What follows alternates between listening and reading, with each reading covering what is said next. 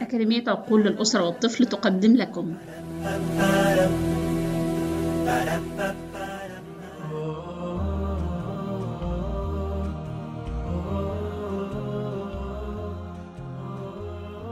آه، النصيحة الثالثة هي أن تتذكر أنها إنسانة وأن طفلها إنسان فلا تبالغ في مطالبة نفسها أو مطالبة طفلها بما هو أكثر من طاقته. فالاعتراف بالحق فضيلة. فإذا كان هذا الطفل يملك مواهب فهذا جميل. وإن كان طفل عادي أو ما عنده ذيك المواهب آه، فمن الجميل أن تسمحي له أن يكون على حقيقته وعلى سجيته وأن آه، لا يكلف الله نفسا إلا وسعها. ممكن الطفل أحيانا يكون سريع الحفظ فيكون متفوق بسبب قدراته آه، العالية على الحفظ.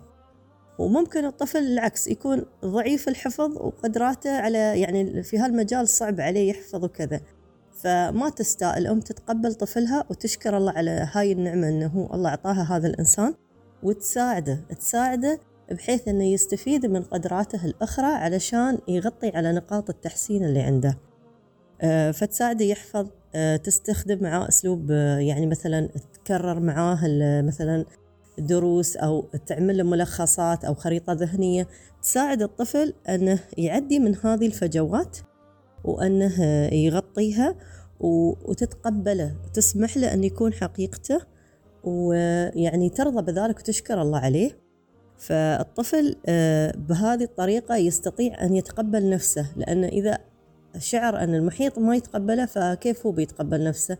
فتقبل الأم للطفل بيساعد الطفل أنه يتقبل نفسه وأيضا آه، يجب على الأم أن توضح للطفل أن ما في إنسان كامل كل إنسان عنده ميزات وعيوب وأن نحن كلنا نتكامل ونتعلم من بعض وأن إذا كان عندي نقطة تحسين آه، أشتغل عليها واجتهد لكن هذا ما يمنعني من العيش الطيب والشعور الجيد وأني أنا أستطيع أن أغطي آه، نقاط التحسين بتطوير مهاراتي وقدراتي أو باستخدام أساليب مساعدة. فهذا الشيء يعلم الطفل أن الحياة مبنية على التكامل.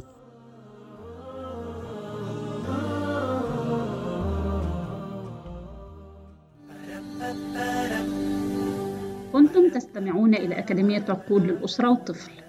رب همة أحياء أمة. شكرا لكم.